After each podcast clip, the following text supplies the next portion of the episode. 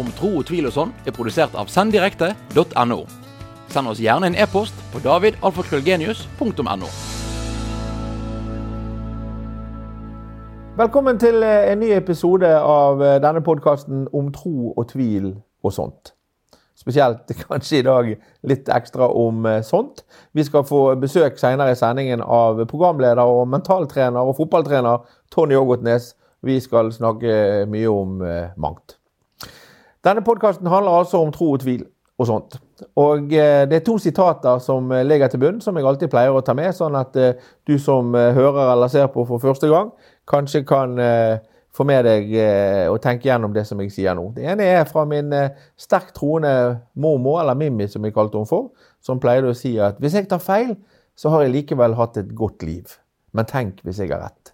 Og den har jo jeg valgt å også gjøre til min egen. Også den andre, som er Henry Ford, som sier om du tror du kan, eller om du tror du ikke kan, så har du rett. Det handler om tro. Tro på mennesker, tro på muligheter og tro på Gud. Eller ikke. Tvil, osv. Eh, siden sist så eh, har det vært en uh, uke full av vær. Uvær og regn og alt mulig. Og, og, så er det jo en del mennesker jeg møter som lar seg påvirke av været. 'Å, drittvær', og 'å, nå regner det', og alt er fælt. Men det kommer jo da Været kommer jo definitivt inn under de tingene som vi ikke kan gjøre noe med. Det er vår egen holdning som gjør noe om hvorvidt vi er lei oss fordi det regner eller ei. Som en god venninne av meg pleier å si, regner det, ja, ja, da er det bare å ta på gummistøvler og sydvest og gå en tur da, og synge litt i, i regnet. Det er helt opp til oss hvordan vi reagerer på det. Eh, for tiden så leser jeg eh, igjennom profeten Jeremia i Bibelen. Og der er det mye død og fordervelse og Ja. Det er ikke spesielt lystelig lesning, for å si det sånn. Dette handler jo om fra en tid da det var krig i Midtøsten. Oh gosh, det har det altså visst vært lenger enn bare siden 1948. Eh, men profeten Jeremia han eh, sier også en del fornuftige ting. Blant annet så sier han dette. Velsignet er den mann som stoler på Herren, og lar Herren være sin tillit. Han skal bli lik et tre som er plantet ved vann og skyter røttene ut ved en bekk. Det frykter ikke når heten kommer. Alltid har det grønne blad, det sørger ikke i tørre år og holder ikke opp med å bære frukt. Dette er altså profeten Jeremia kapittel 17 vers 7-8. Den amerikanske predikanten Billy Graham han snakker om eh, at det finnes tre hovedformer for det å tro på Gud. Veldig mange av oss eh, glemmer Gud i hverdagen. Vi glemmer Gud i det store og hele helt til livet møter oss midt i trynet. Helt til vi kommer opp i en krise eller en katastrofe og, og livet er helt grusomt. Da kommer vi plutselig på at kanskje vi kan venne oss til Gud for å få hjelp. Og Da beskriver han altså tre måter å tro på. Den første måten, for den som virkelig bare finner Gud i panikken, det er da en som ligger og bakser i vannet og holder på å drukne. Alt er fælt, og det er nummeret før det går galt. og sånt, Da brøler vi på 'Kjære Gud, kom og hjelp meg'. Og hvis du hjelper meg nå, så skal jeg gjøre alt for, at, eh, for å vise hvor takknemlig jeg er. Og så har du han som ikke har kommet fullt så langt ut på skråplanet som han som holder på å drukne. Eller hun. Hen, hva det heter i disse dager som eh, klamrer seg til båtsiden og, og, ber om hjelp for å klare å komme seg opp i båten. Og så har du den, den tredje som ligger oppi båten. Og selv om det er storm og uvær, og alt mulig sånn, så er vedkommende tørr i båten på innsiden og flyter. Uh, og det er den tredje formen for tro. Det er jo den troen jeg snakker om. Den troen jeg håper at du og jeg og de rundt oss kan finne. Og hvordan finner man den? Vel, det er jo ikke noe fasit på det i det hele tatt. Men eh, det å starte dagen med å takke, takke Gud eller takke universet eller takke hvem du nå takker for, at du har det du har, at du er den du er. For det er alltid noe å takke for. Og hvis du syns det er grådig vanskelig for å takke for noe, så kan du f.eks. takke for, for at, at, du kan puste, at du kan leve, at du har et, et hjem. Eh, Forhåpentligvis. Uansett. For å si det sånn, hvis du, hvis du, ser eller hører på dette et eller annet sted, så har du tilgang til en radio eller en datamaskin. Det er også noe å takke for. Hvis vi begynner dagen med å takke, hvis vi begynner dagen med å tro på at det er noe der ute som vil oss godt og vil hjelpe oss, selv om ikke det alltid er vår versjon av den veien vi skal gå som er den rette, kanskje Gud har en helt annen tanke for hvor vi skal eller hvem vi er, så gjelder det altså å være takknemlig. Da kan det hende at vi får den troen som gjør at vi er inne i båten, og ikke bakser i vannskorpen. Vi er kommet frem til ukens konkurranse. Og eh, denne uken så stiller jeg rett og slett eh, følgende spørsmål, siden vi snakket om dette med, med båt. Hva het den sjøen der Jesus stilnet stormen? Hva het den eh, sjøen Jesus stilnet stormen? Vet du det, så sender du en e-post til davidalfakrøllgenius.no. davidalfakrøllgenius.no. Hva het den sjøen der Jesus stilnet stormen? Og eh, hvis det er du som blir trukket ut som vinner, så eh, mottar du altså et krus med Om tro og tvil-logo på. Hver uke så snakker vi om Salomos eh, ordspråk. Masse masse visdom i Bibelen, og enda mer i Salomos ordspråk. Og i dag så har jeg plukket ut kapittel 24 vers 10, og der står følgende Viser du deg motløs på trengselens dag, så er din kraft liten. Viser du deg motløs på trengselens dag, så er din kraft liten. Uten handling skjer ingenting. Vi må altså handle selv om det er vanskelig. Det er som, som sjømannen som er ute i storm og ber til Gud. Det har vært mye vann og sjø og storm og båt i dag, men, men det er kanskje et gjennomgående tema. Men du har sjømannen som er ute i stormen og ber til Gud, ikke om å redde ham fra stormen, men for å gi ham kraft til å holde ut, til å komme seg gjennom på andre siden. Eh, og i, dag, I samfunnet i dag så er det for eksempel, snakkes det mye om det som kalles for curlingforeldre. Foreldre som går foran barna sine med kost og feiebrett og feier unna alle problemer for dem. Gud er ingen curlingforelder. Det, det, å være en kristen, det å tro på Gud, betyr ikke at jeg tror det at Gud han går foran meg med kost og feiebrett, og så skal han bare feie vekk, sope vekk alle eh, ubehageligheter og alle utfordringer som jeg måtte komme i livet mitt, de er bare borte, for det, det tar, tar, Gud seg av. Det er ikke sånn det fungerer. Uten handlinger. Vi skjer ingenting. Vi må starte, vi må gjøre. Vi må gjøre så godt vi kan.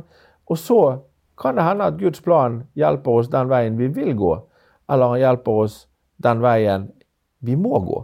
Det vet vi ikke, for vi vet ikke hva den store planen er. Men vi må vise mot. Vi må være modige, vi må tørre å handle.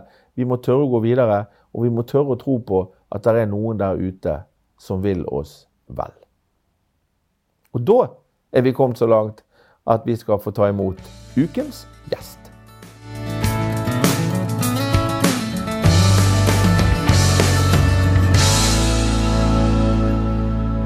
Jeg så heldig at jeg har fått eh, besøk av eh, ja, hva skal vi si, både en gammel kollega og en gammel venn. og Tony Ågotnes, velkommen til Om tro og tvil og sånt. Tusen takk skal du ha.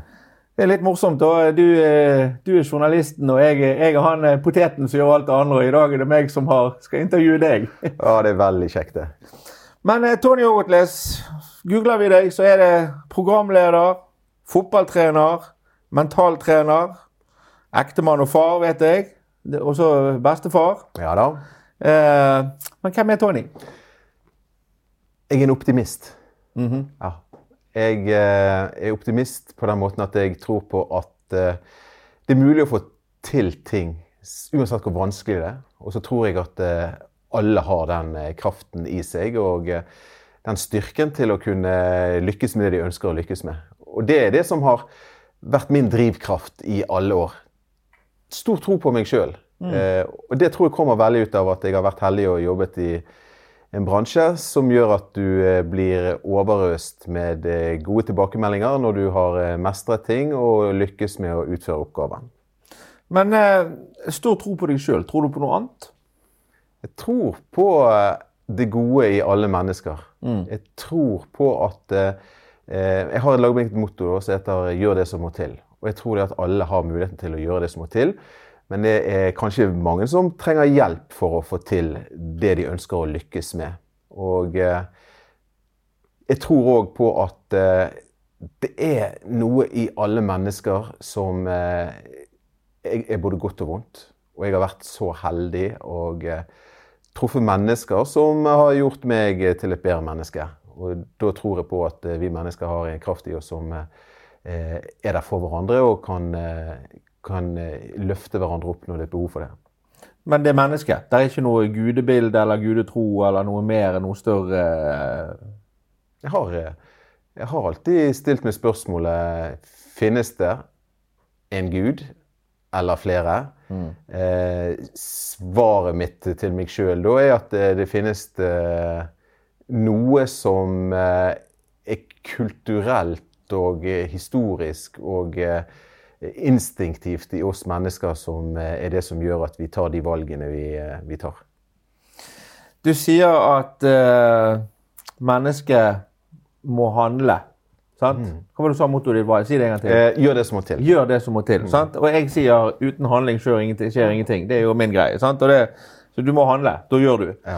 Eh, og så er oppfølgingsspørsmålet på, utenpå er du villig til å gjøre det som skal til. Sant? Altså, Ja. det jo, da, må du, da må du handle og gjøre det. Men jeg tror jo at det er noe utenfor oss som- hjelper oss. Men jeg tror, det som jeg har snakket om tidligere i sendingen i dag, jeg har snakket om at det finnes, tre former for, for, for kristentro, eller for, for gudstro, da, for å sette det litt sånn eh, i perspektiv. Den ene den er, den er den som holder på å drukne i havet og spreller og hjelper, og det er nummeret før det går under og alt. Og da plutselig roper du ut 'Kjære Gud, kom og hjelp meg'. Eh, og så har du den som, som ikke har havnet fullt så langt ut på skråplanet, men har det ganske ille og fryktelig vanskelig og henger og, og dingler på utsiden av båten og klamrer seg fast og sier 'nå trenger jeg hjelp'. Og så har du den tredje som er oppi båten, som eh, egentlig har det ganske trygt og rolig, men, men tror. Men troen blir på en måte et sånn slags skjold som gjør at hverdagen blir, blir litt lettere. Hvis du tar Gud ut av, av den ligningen, så tror jo jeg at du er inne på akkurat det rette. Nemlig, og det har jeg snakket om i mange settinger, at vi mennesker har stort sett i oss det som skal til for å lykkes. Men vi må bare være villige til å gjøre det. Hvordan har det vært når du da snakker med For du snakker mye med idrettsfolk, fotballspillere osv. Hvordan, hvordan opplever du at, at de har det med svingende formkurver og alt mulig? Det der er veldig Jeg kan ta et helt konkret eksempel på det. da. Fordi at eh, Nå har jeg vært med i fotball i over eh, 24 år. Eh, og du møter jo veldig mange mennesker. Du møter eh, de som ikke har tro på seg sjøl i det hele tatt. De som ønsker, men får det ikke til uansett hvor mye de, de prøver. Og så finner du de som eh, kanskje har litt for høye tanker om seg sjøl. Tror litt for mye på seg sjøl. Og så har du de som eh, faktisk tror på en gud. Eh, veldig ofte utenlandske fotballspillere. Nå har vært så heldig å få vært med i Obos-ligaen, så det er det nest største nivået, høyeste nivået i, i Norge. Eh, og 1 ut av fotballspillerne i landet havner der. Utenlandske fotballspillere, f.eks. fra Nigeria eller Syria eller hvor det skal være, de har, de har Gud med seg på banen. Så hadde vi én eh, fotballspiller. Eh, oppgaven min som mentaltrener er, liksom, er, det, er det noe som hindrer deg i å få ut ditt fulle potensial. Så denne konkrete spilleren her, da, som eh, var svensk, men hadde da eh, eh, familie fra Syria, da, hadde en gudetro òg. Eh, de første 15 minuttene av kampen, kampen ned, er vel riktig å si, så bare rotet han det til. Eh, feilpasninger, eh, tapte dueller, eh, mål imot. Så det var sånn neglebitene på, på siden. Eh, altså på fingrene på, på sidelinjen du sitter og venter på benken. Så var jeg på en treningsleir, eh, og så plutselig banket det på døren. Og så kommer han inn og så bare legger han seg på sofaen som om jeg var en psykolog. liksom. 'Hjelp meg nå! Hjelp meg nå!' Ok. Og så begynte jeg å stille spørsmål. Eh, hva er det som eh, hva, hva du trenger. Hva er ditt behov? Og så kom jeg inn på akkurat disse tingene her uten at jeg hadde eh, pinpointet det for han, og det er sånn som jeg har fått fra hovedtreneren. Eh, og så stilte jeg han et spørsmål. Eh, dette med, med, med troen din. Eh, hvordan er det? Nei, nei, nei, ja, ja, ja, jeg pleide B var en match. Bare, og det gjør du ikke lenger? Nei. OK, prøv det, da. OK. Hva skjedde? Årets spiller. En sånn liten ting som det der. For da, fikk han den tryggheten hva han ba om, hva han sa, det la meg aldri opp i. Men altså, det var en switch ifra å være han klumsen første kvarteret, som gjorde gjerne at eh, laget tapte, til å bli banens beste, lederen. Så da skjønner du at eh, det er viktig å ha en tro. Ja, ja. Og, og når du sier troen på det gode mennesket, og noen velger å kalle det gode mennesket for Gud, for eksempel, Ja sant, så er det eh, Men Obos-ligaen fotball eh, Hvis vi går en del år tilbake igjen, så fikk du sparken som trener en gang. Hva må du tro på da? Eh, jeg kan fortelle hva som skjedde der. Det, det var eh, kanskje det beste som har skjedd meg. Akkurat. Ja. Eh, dette var tredje divisjon. Jeg fikk ikke helt til. Eh, for det meste fordi jeg ikke var, jeg var ingen god leder. Masse kunnskap om hvordan man kan spille fotball som Barcelona, hva det skulle være. Men det å være lederen, det å så se de, der, der var jeg ikke så god. Så da ble de enige om at eh, assistenttreneren skulle bli hovedtrener, og jeg kunne bli assistenttrener. Og tenkte ja, men da, da vil jeg ikke være med her. For da var, det, da var det egoet mitt som ble såret. Stoltheten. sant? Stoltheten, sant? Eh, Det der med å ha troen på seg sjøl, og da igjen en av de som hadde for mye for høy tanke om seg sjøl, kanskje. Ja. Så jeg gikk og fikk hjelp ja, av en god coach mm. som heter Bodil. Eh, og hun eh, kunne jo bare kledd av meg med en gang og sagt liksom, hei, du må jekke det litt ned. Men etter hvert så er jo liksom coachingens eh, natur er jo det at du skal finne svarene sjøl. For vi sitter med Vi vet jo hva som er rett og galt. Men du trenger ofte hjelp til å bli guidet til å få eh, finne svarene. Eh, Så det var faktisk det beste som skjedde meg. Eh, Og da begynte jeg å interessere meg for det mentale, det, det å være en leder. For det var det jeg trengte. Så jeg husker jeg bare gikk hjem den dagen når vi liksom fant ut at eh, det var den andre som skulle ta over som, som trener. Jeg bare liksom la meg i badekaret, satt på noe reggae-musikk, og så reiste jeg meg opp igjen. Så tenkte jeg, skjerp deg. Enten så må du kutte ut dette, eller så må du finne ut hva, hva gjør du nå. Og det var det siste jeg valgte.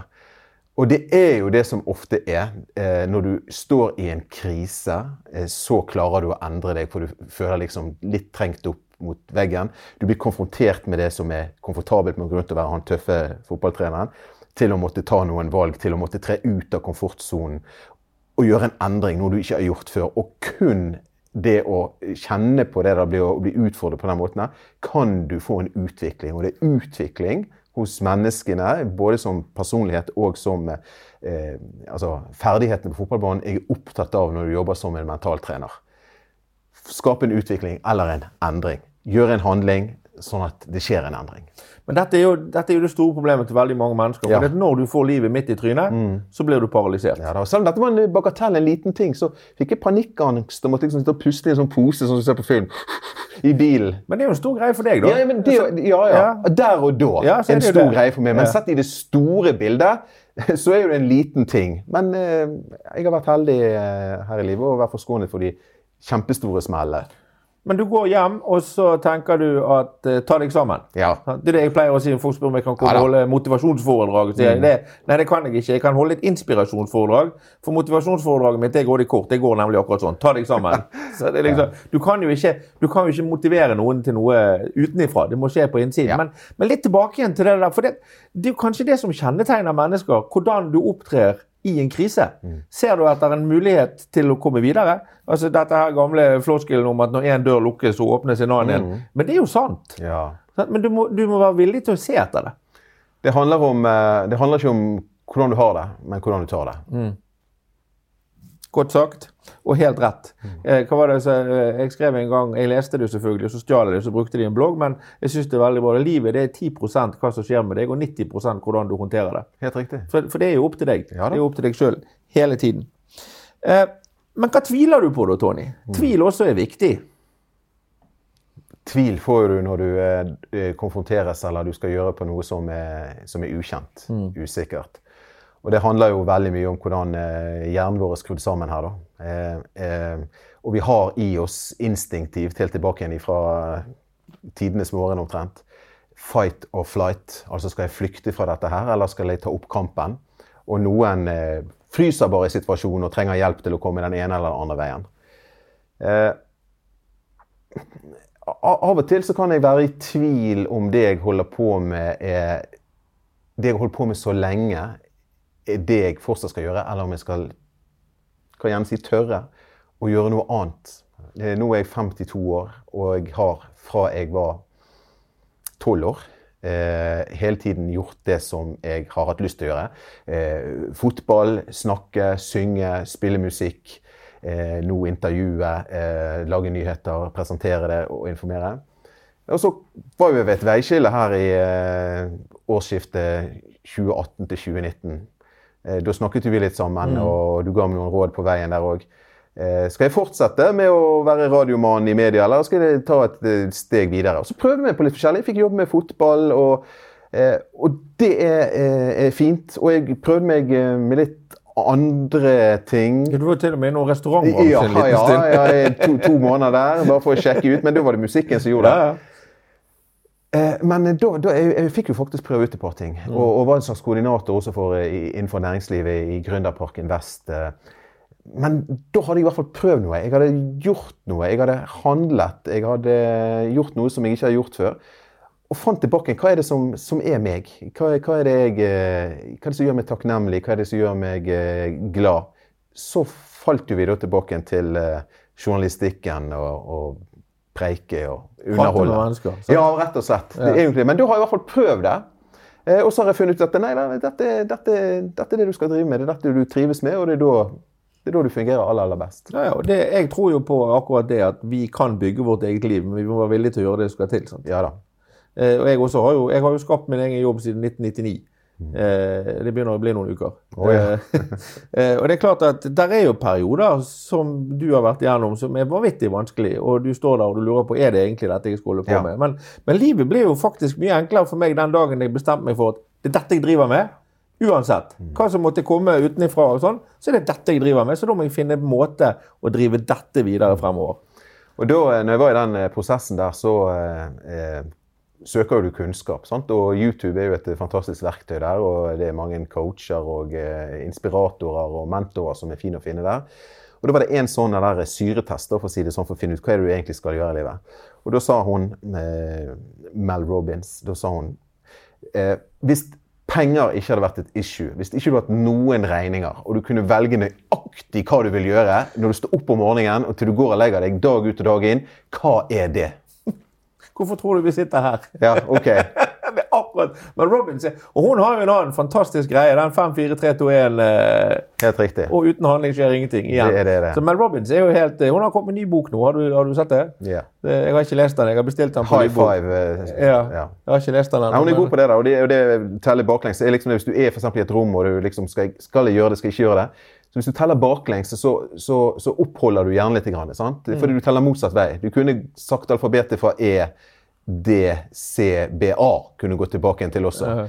For da, da skjer noe med hjernen. Du klarer ikke, hjernen vil jo da gå i denne der eh, beskyttelsesmoduset. Nei, nei, jeg gidder ikke gå bort og og håndhilse på Barack Obama. Han står jo rett der. Nei, nei, nei, han vil jo ikke hilse på meg. Og så teller du baklengs, så bare gjør du det.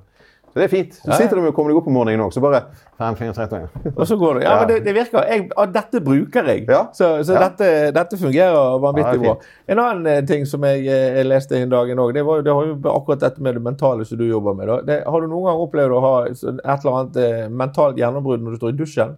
Da kommer du på den gode ideen. Det er der det skjer. Du vet hvorfor, sant? Ja, hva da? Fordi at det du gjør når du er i dusjen, da Mm. bruker du ingen tankekraft på det. det er Alt er automatisert. Så da er er hjernen din fri til å faktisk håndtere de problemene som ligger og lurker i underbevisstheten. Det.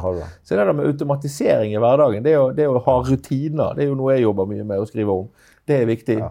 Det er nesten som meditasjon, det å stå i dusjen der. Ja, men det er jo det. sant? Som neste gang du går ut i naturen. hvis du på en måte... Eh, vi tenker jo så utrolig mye, vi har så mange tanker. sant? Du tenker om ting, ting som har vært, og du tenker tanker på ting som skal komme. Eh, jeg er veldig god til å være til stede her og nå i nuet, og glemmer ofte det som har vært. eh, tar ikke det med meg, og bryr meg egentlig ikke så masse om hva som skal skje videre, annet enn at jeg vet at det kommer noe. Men det er her og nå. Eh, men hvis du går ut i naturen, og, og du har for mange tanker Hvis du klarer å stoppe opp og så lytte til alle lydene rundt deg, hvis du klarer å plukke ut en tre-fire lyder, så bare konsentrer deg om det. Og så når tankestrømmen kommer igjen, så prøv å lytte etter lyden igjen. Du kan gjøre det hjemme òg. Klokken som går på veggen hvis det er sånn gammelt ur, eller biler kjører utenfor, eller sånn meditasjonsmusikk. og lytte, For det er så mange forskjellige lyder. Mindfulness. Ja, nettopp. Ja, ja. Sant? Det er det det handler om. Og det du gjør da, det er at du faktisk gir eh, eh, Du klarer også å stenge ute tankene, ja, men du klarer også å kvitte det med mange tanker som har gått og tenkt. Fordi at 90% av det du tenker på i dag, er akkurat samme du tenkte på i går. Sånn er vi. Så du får vekk alle de eh, eh, tankene du, som bare er der, som tar opp plass, og så gir du rom da, og plass til nye tanker. Og du kan begynne å tenke på nye ting, som da kan føre deg et skritt videre fremover mot målet ditt. Jeg bruker akkurat de samme verktøyene, bare én bitte liten forskjell. Det er at jeg ber til Gud. Ja. Jeg legger det til jeg, eh, eh, Hvis vi går i Nytestamentet, når, når, rett før Jesus ble arrestert, så lå han og ba i Getsemane, og så sa han For han, han visste hva som skulle skje. Han visste at det skulle bli korsfestet, det skulle være ondt, det skulle være fælt osv. Og, og så ligger han, og så ber han helt alene for seg sjøl, og så sier han men ikke som jeg vil, som du vil. Ta dette fra meg. La meg slippe å gjøre dette her, men ikke som jeg vil, som du vil. Og jeg, når jeg lærte meg, for det er jo egentlig mindfulness og alt det du snakker om, men når jeg lærte meg eh, kan jeg gjøre noe med det? Nei, disse tingene kan jeg ikke gjøre noe med, men jeg tør å si OK, Gud, dette får du ta deg av.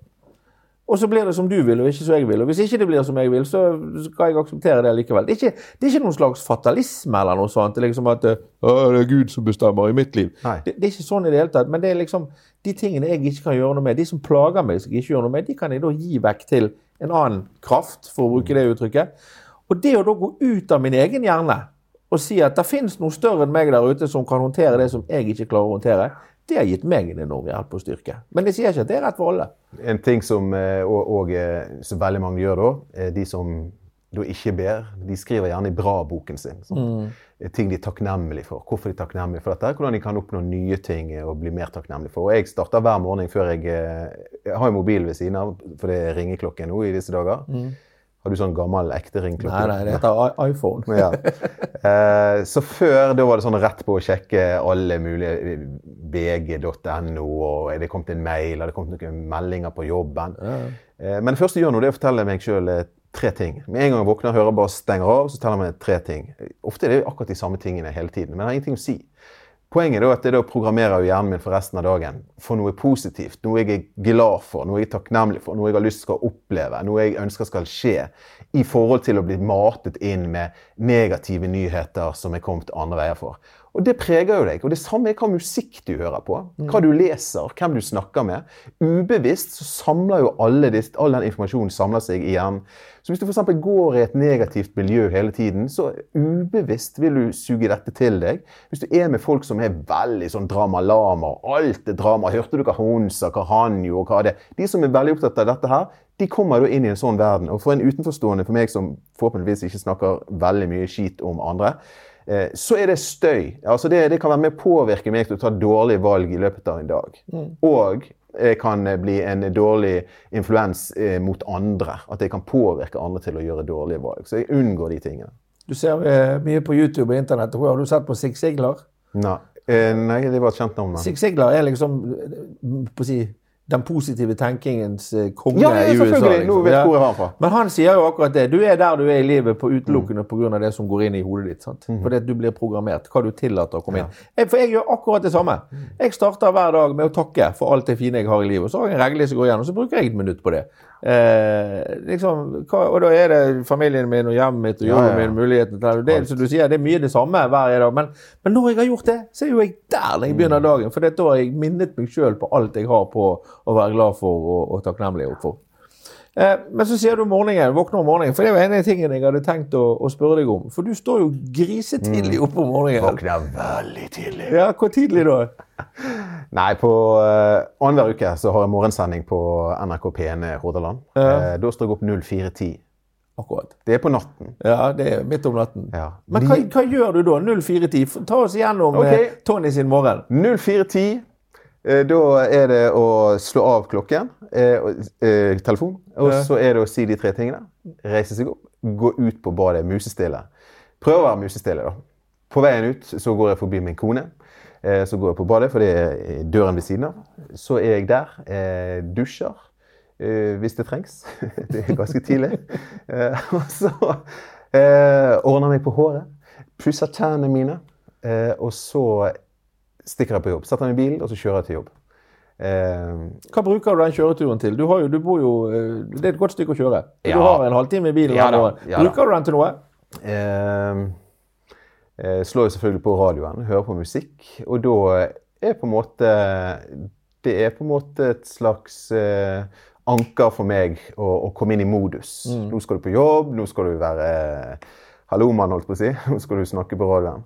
Eh, og så eh, kommer jeg kanskje på mange gode ideer på vei der. Og Det er litt akkurat det samme som du står i dusjen, for du kjører den samme veien hver Yes. dag. Du trenger ikke å lure på hvor du skal, ergo så frigjør hjernen din kapasitet Mm. Til å tenke på de gode ideene. Ja, det er det.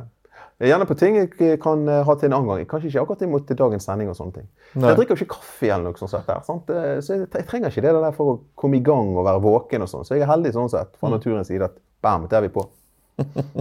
Ja, og så er du på. Da er det jo sånn at når, når mikrofonen, eh, når det røde lyset går på i studio, da må du jo være der. Ja. Du kan ikke si til folk eh, «Ja, 'Vent litt, jeg er ikke helt klar'. Da, da må du være der. Helt soleklart. Så har jeg gjort det så mange ganger her nå at eh, dersom, eh, dersom jeg ikke er klar, så så, så skjer det automatisk. Det òg. Går på rutine. Ja, men, ja, men altså, det er jobben din. sant? Det, det er sånn du forbereder. Det er sånn politimannen er klar når han skal ut og gjøre action. Soldaten, hva det skulle være. Så jeg, jeg, jeg føler jeg er litt sånn eh, man on a mission. Altså jeg er på et oppdrag, dette skal gjennomføre. Og, og eh, eh, da har det veldig mye å si om tilstedeværelse. Det å være konsentrert her og nå. Jeg har eh, tidligere har jeg jobbet som eh, sportskommentator og har vært i OL og VM og EM og gjerne inn i en heksegryte av en eh, håndballhall med 20 000 mennesker, masse presse rundt om, eh, reporter som du skal ta inn nede fra, fra salen, eh, folk på øret som sitter i, i studio og alle de tingene der, og kanskje en tekniker ved siden av skulle vi tenkt til skal sende på et intervju og sånn. Eh, det er jo enormt masse forstyrrelser og støy. Mm. så det å klare å være så klar og så konsentrert eh, på, på nøyaktig det du skal gjøre, og kunne holde tungen beint i munnen, og samtidig si de riktige tingene. Eh, og kanskje være litt kreativ og, og fargerik, eh, og komme med noen språkblomster også. Eh, så mye handler om rutine, men mye tror jeg handler masse om at jeg rett og slett elsker det jeg holder på med. Og da blir alt mye, mye lettere. Så er du også glad i å være på sjøen. Er, ja. det, er det sånn fristed der Altså, du det, du ser du. altså, jeg har jo eh, vært så heldig å være oppvokst på Sotra og sånn sett der, og hatt eh, besteforeldre med båt og sånn, men eh, har aldri hatt båt før sjøl for, eh, for en åtte år siden. Og kjøpte denne der båten liksom, eh, når vi tok huslånet og klarte å bake det inn. Og det er en 21 fots båt, eh, det er en 150 hester. Kaller båten for My Lady. Eh, så har jeg jobbet sånn at jeg kommer jo hjem eh, kanskje klokken tolv på dagen, og sjøen for meg sjøl.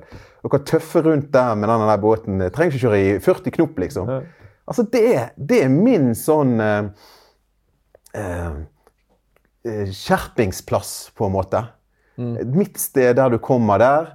Nå, akkurat nå i år har jeg vært sånn litt lei av å kjøre alene. Nå, nå har jeg lyst til å ha litt folk med meg i båten, for nå har jeg kjørt liksom i åtte år alene. Så nå trenger jeg det. Ja. Eh, Men det er en plass, og det tror alle trenger å ha denne lille plassen her du bare, bare slapper helt av. og får renset, Det er meditasjon som vi snakker, du får renset det opp. Og, og det er med på å Og det er jo en, en sånn, det er en bevisst handling at jeg går i båten, for da vet jeg, da, da blir jeg glad. Eh, Og når du blir glad, eh, så blir du mer kreativ, og du får mer energi. Og påfyll av deg sjøl til å kunne gi mer av deg sjøl når det trengs. Jeg har, eh, jeg har sett det. For det, det, det, det, som, Når du legger ut på Facebook og Snap og sånn når du er i båten, så er det helt tydelig at dette er lykkeplassen din. Ja, lykkeplass. Ja, det er jo det. det er liksom her, nå, Da ser jeg at nå er Tony glad. Det er helt, helt Ja, tydelig. sånn. Ja, Veldig bra. Vi kunne sittet her og holdt på å prate i timevis, vi, men jeg, eh, jeg tror vi skal, eh, vi skal runde litt av. Eh, Det har vært fantastisk kjekt at du kom, Tony. Takk. Eh, og så skal vi nok eh, fortsette å prate igjen. Og kanskje, hvis det er noen som har noen eh, utfordringer de har lyst til å kaste ball med Tony eller meg om, så er jo vi Mm. begge i en situasjon der vi eh, tar imot eh, mennesker til ballkasting og samtaler og rådgivning. Så det er bare til å ta, ta kontakt. Veldig bra. Takk skal du ha, Tony. Bare. Da eh, er det sånn at alle gjester som kommer, Ja. de får et kaffekrus. Jeg har jo laget kaffekrus med logo på og greier. Om tro og tvil og sånn. Så det kan du ta med deg og ha i båten, f.eks. Hvis du, du drikker ikke kaffe, da, men du kan drikke cola eller te. Kakao. Kakao. Ja, det, ja. de er fint til kakao òg. God plass til litt krem på toppen òg. Ja, veldig bra. Supert. Da har vi kommet til eh, veis ende i dag. Fantastisk eh, kjekk og god og nyttig prat med Tony Ågotnes. Han kommer nok helt sikkert tilbake eh, en gang til som gjest. Og kanskje Tony og meg og Steinar Husby eksempel, kan gjøre noe sammen med å ta imot spørsmål fra lyttere eller seere om utfordringer man har i hverdagen. Det var en idé som vi fikk akkurat nå, så det kan vi jo se om vi kan eh, gjøre til realisme en gang eh, i løpet av høsten. Eh, tusen takk til eh, John Edvard Genius Lillemann, min nærmeste medarbeider og produsent, som sitter bak kamera og vinker og viser tommel opp og alt mulig. Eh, og har du noen kommentarer og innspill å komme med, så er du hjertelig velkommen til å sende meg en e-post. Den er veldig enkel, den e-postadressen min. Det er navnet mitt. Det er davidalfakrøllgenius.no. Kommentarer, råd, ros, ris, svar på konkurransen.